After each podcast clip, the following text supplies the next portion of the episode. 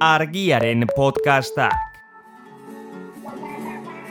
BTN, berezkoa eta naturala bideo podcasta, kultur munduko jendea eta aktualitateko gai randomak. Aner euskitze, oian arana eta ize aranak aurkeztuta, BTN, bi astelenean behin argia.eusen eta plataforma guztietan.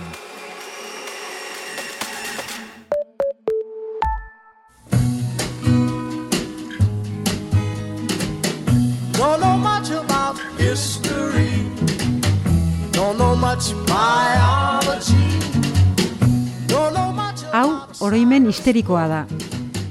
Historia diren istorioek txoratzen gaituztenon podcasta.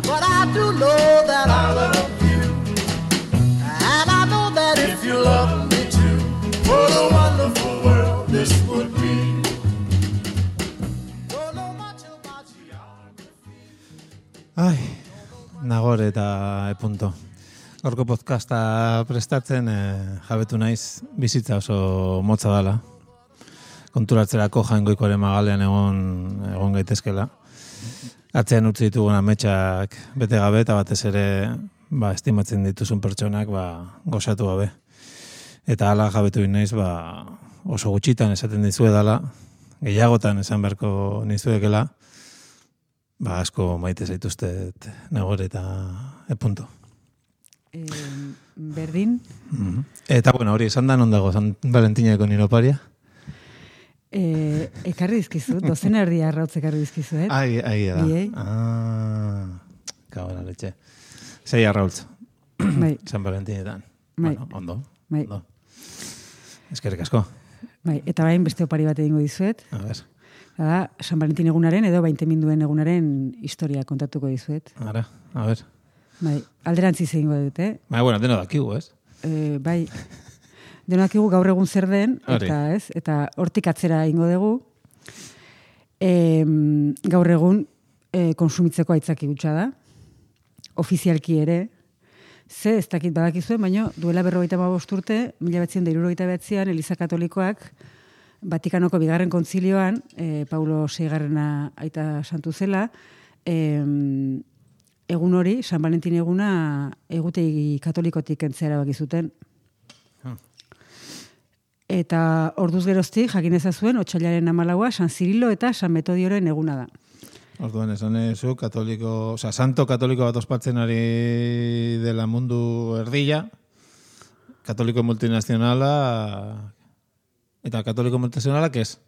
Ez. Alegia, auto, autozirilo bat eh, sortu digula gure, gure buruari. Bai, beraz, katoliko zintzoak bat dimazarete, e, Ez ospatu. biharko eguna, ez, e, otxailaren amalaua, San Valentin eguna, ezin da ospatu. Zirilo... Espazerate, eslovakiakoak. Ah, Eslovakiarrak baldimazerate bai, ze bertako patroiak dira, bai Zirilo eta bai Metodio. mm, ados. Bai. Bai. aberri eguna. Bai. Ondo. Baina, dakigunez, berroita urte, oindela berroita urte erabaki hori hartu, baina e, konsumo mm, merkatuak esan zuen mm, barkatu, ez?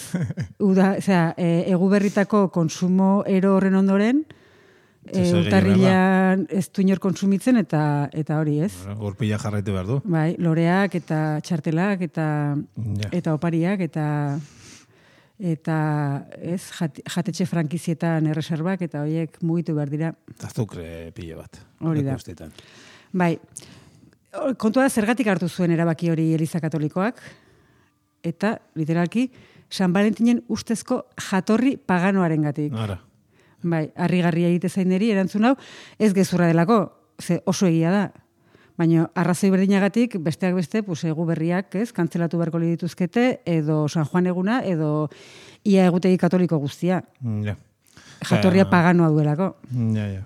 Claro, emakumea gizon baten segitzetik sortu zela, ez dioen eh, enpresak, gezurrak, gezurrak, ez ditu esaten, bere horretan. Zetitu, Bai, Eixe, gezurtxoak, edo egiatxoak. Edo, edo fusio bat. edo bai, Bai. mix. Bai. bai. Uda mix. Bai. Esan nuen Rosaliak bezala, baina agian pitingo bezala. Pitingo. bueno, kontua da, e, a, osea, mende luzetan, ez, e, San Valentin mai- maite minduen patroia izan dela, ez, zehazki, lareunda laro malautik, Gelasio lehenengo aita santuak otxailaren amalaua San Valentin eguna izendatu zuen. Gelasio. Bai. Eta esan dugu zela, irurogeita bederatzi arte. Eta zergatik izan zen patroia, ez, maite minduen patroia, ba, Valentin izan zen irugarren mendeko apaiz kristaua, erromatarra, e, eta e, Claudio Bigarna emperadorearen garaian bizi izan zena, eta e, emperadoreak e, garai hortan gaztei ezkontzea debekatzen zien lege bat jarri zuen indarrean, Jo, ze ona. bai, zertarako gazteak, gizonezko gazteak, ejertzituan sartu alizateko. Hori esen beste, baina baina hasiera oso ona da, eh? Bai, baino, eh? Gaztei eskontzea debekatu, ez dakit gaztetasuna noiz arte dan, baina... Bai, baina Valentin ez zegoen ados, eta orduan e, gazte maite minduen arteko ezkontzak egiten hasi zen, sekretuan isilpean, egia esan gauza gehiago egite zituen, e, torturatu edo eta esikutatu behar zituztenei jainkoaren babesa ere ematen ziren. Bueno, E, baina hori ez da romantikoa, eta orduan, pues, ez, e, historia usaltzeko ez da oso elementu erakargarria. E, be, behatzi, e, be, barkatu, berreunda irurogeita behatzigarren urtean e, lapidatu eta dekapitatu zuten, bai? Eta horrekin, dagoeneko martiri titulua ja irabazita zeukan. ba, ondo. Eta eman zioten. Baina, kara, e, santu izateko mirari bat asmatu behar zioten, edo zeze, ez. E, eta orduan, e, e, asmatu zutena izan zen, espetxean zegoela, kartzela zainak, jainkoa benetakoa zela frogatzeko, e, frogatzeko eskatu zion, eta Valentinek kartzela zainaren alaba, itxua zela, Julia izeneko alabari, Mm. ikusteko almena eman omen zion. E, ez zuen lortu kartzelatik ateratzea, eta ez zuen lortu bizitza salbatzea. Baino, Juliarekin maite mindu omen zen, eta gututxo bat idatzi omen zion aurretik, eta Juliak e, e, eskerronez, edo ez, unkituta, edo ez dakigu zer, et maite minduta ere, izango zen, Seko. e, almendrondo bat e, landatu zuen, eta horregatik zuaitz hori da gaur egun maitasun eta laguntasun iraunkorraren simboloa. Me muero por conocerte, saber qué es lo que piensas, abrir todas tus puertas y vencer esas tormentas que nos quieran abatir. Centrar en tus ojos mi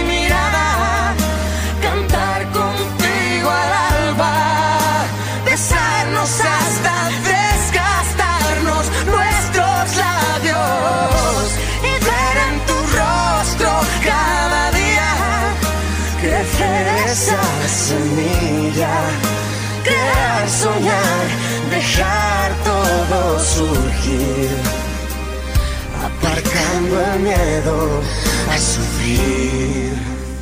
Eh, Valentinek burua galdu zuen, baina entzuleak gauza asko galtzen ditu podcast hau bakarrik entzunezkoa izategatik. Zergatik diozu hori? Eh, tematzarra hauen koreografiak, noiz beten TikToken jarriko ditugu.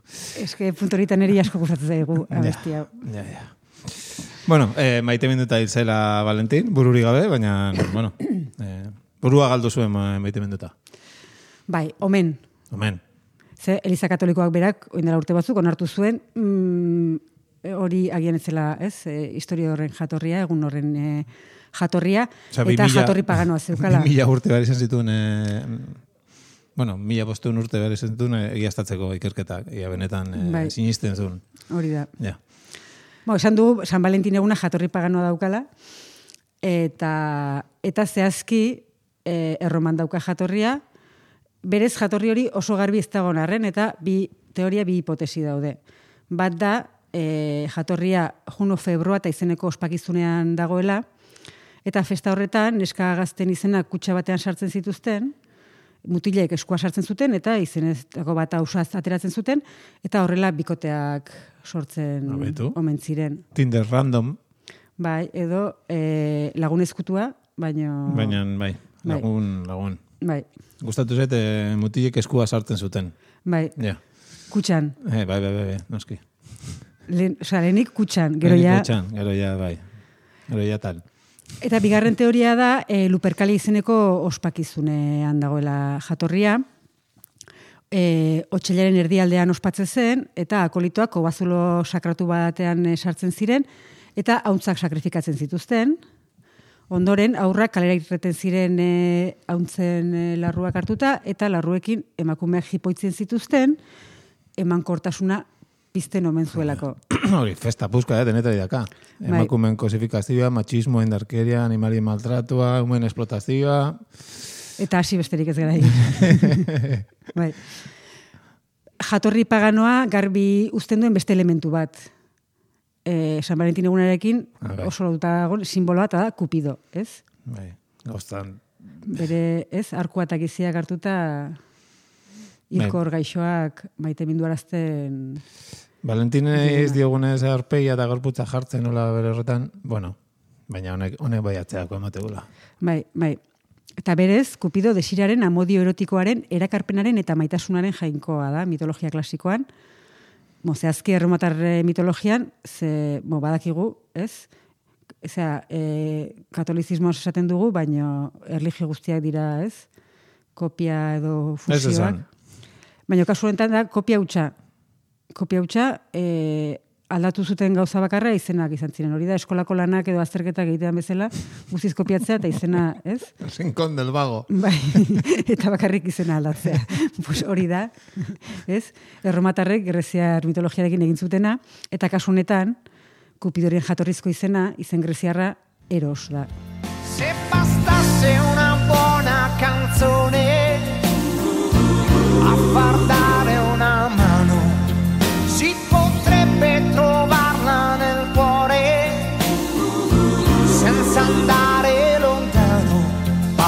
Bastasse già, bastasse già, yeah. Non ci sarebbe bisogno di chiedere la carità.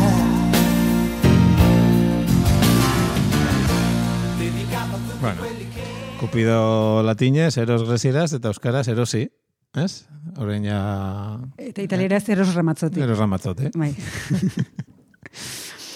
e, erosekin jarraituz, erosen mito nagusietakoa, ezagunenetakoa, sikeren baiketa da.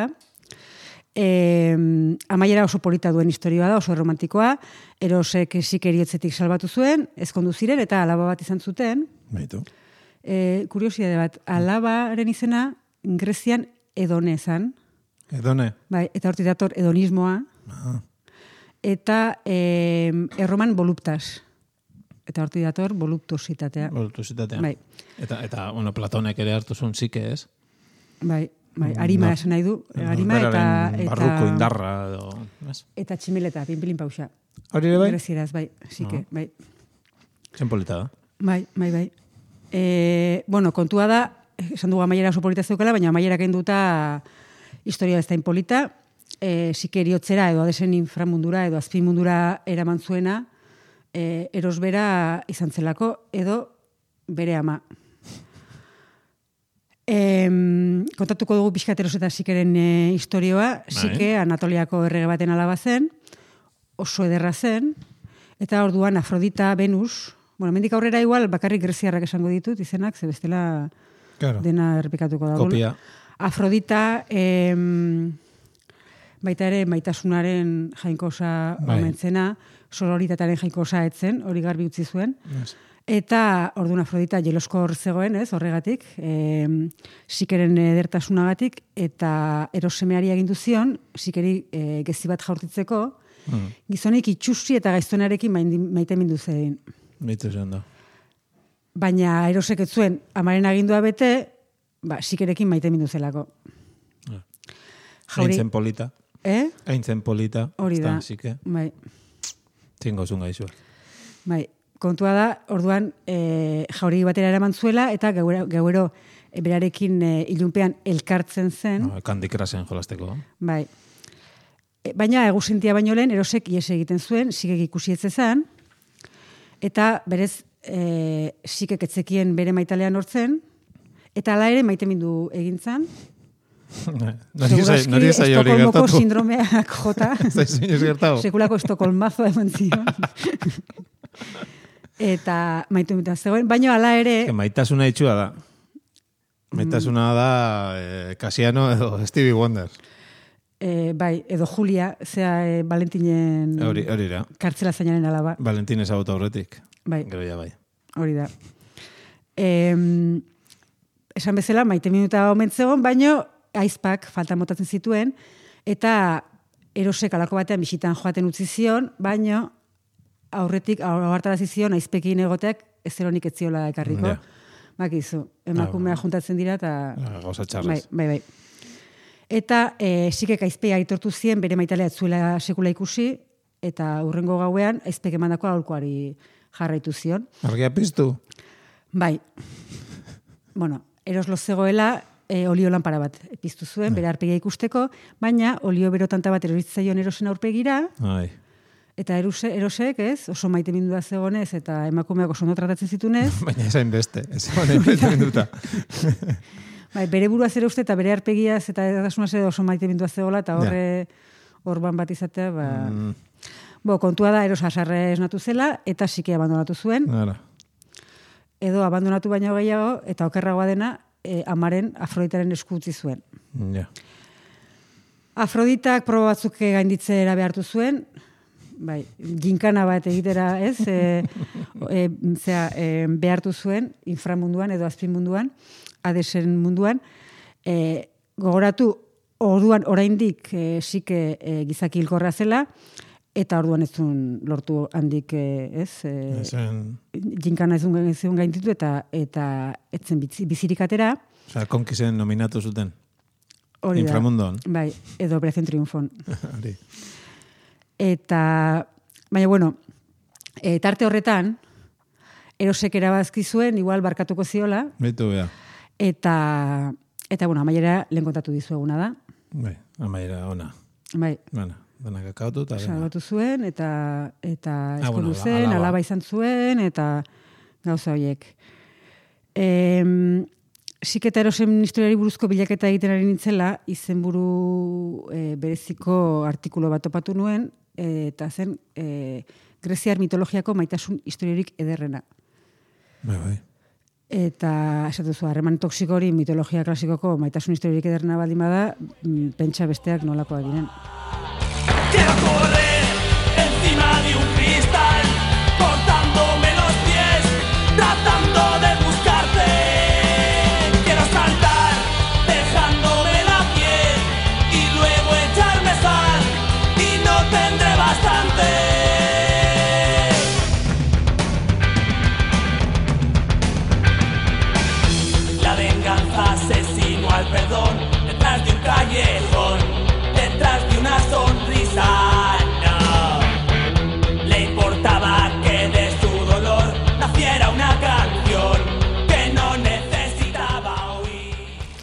Mo, esan dugu ezkondu zirela, alaba izan zutela, baina gainera, Afroditak ilazkortasuna eman zion sikeri.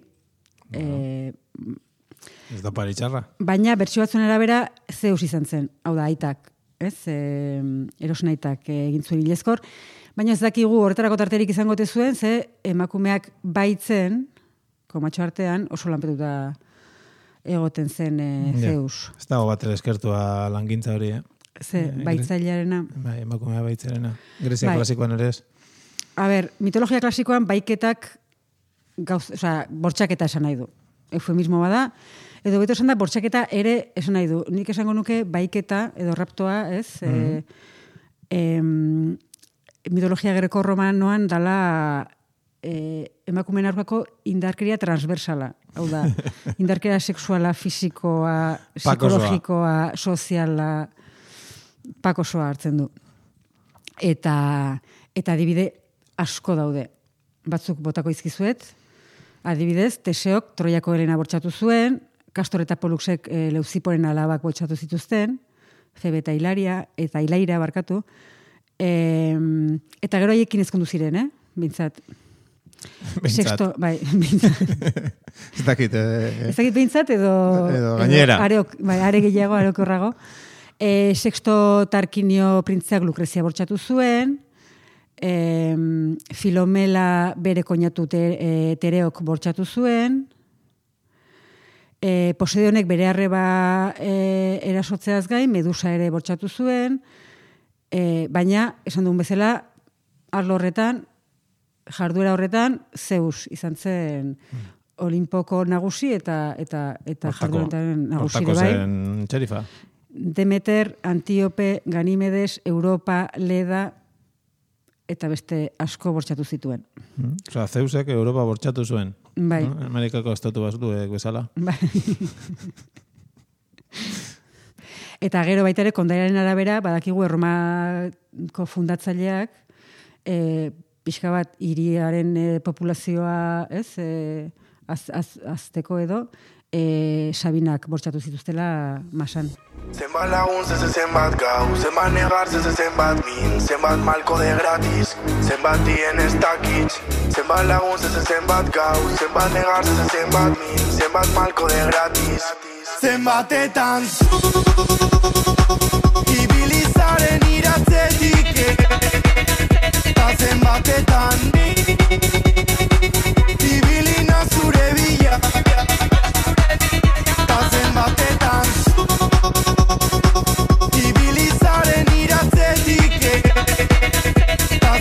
zenbatetan ibilina zure bila Base jatorra dien jaiko guztik, eh? Bai, aipatu dugu zeusek e, beste askoren artean Demeter e, bortxatu zuela, eta edo baitu, Bai, bai, bueno. edo dena batera. Bai. Eta e, Demeter zen Kronos eta Rearen alaba, e, Gea malurraren oinordekoa izan zen, eta e, Zeusek, esan bezala bortxatu zuen, Zeus anaia zen, eh? Osea, bortxaketa eta intzestua dena hasten da Ah, beren. Ah, vale, Bai, ah, dos, dos. Eta bortxaketa horren ondorioz, e, Persefone alaba jaio zen. Mhm. Persefone ere Hades, osabak, Hades zen e, aztimunduko jainkoa, eta e, hori, osabak baitu eta eta bortxatu zuen. Hauek, hauek ez dakite historia kontatzen inor bortxatu gabe, o, ez, eh? ez, ez, ez, ez. Oso zer dakate, ziken eh, sartuta. Bai. Ez dakit zer gertatzen zaien. Bueno, bueno. Kontua da, orduan, e, zera, e, Persefone, ez, e, azimunduan gati buzegoela, amak, e, ba, lur guztia ibili zuen, e, bere bila, e, Persefoneren bila, e, eta bitartean Demeterren beste anaia bat, Poseidon, bere arrebaren atzetik ibili zen, ura bortxatu nahian ere bai. Poseidon ez hau Bai. Azkenean, Demeterrek zeintzun, behor itxura hartu zuen, ez? Hori saiesteko, baina zuen lortu. Poseidonek e, zaldi itxura hartu zuen eta eta bere helburua lortu Hauek, hauen nahi zuten asto eta behor baten txortaldi ez hitz egin eta gero jarri zioten pizka epika apur bat emate aldera, jainko batzuk hortartean, baina oinarri, oinarri. Baina gaude, bortxaketa e, intzestua eta zoofilia ja. Bai. Bai, bai.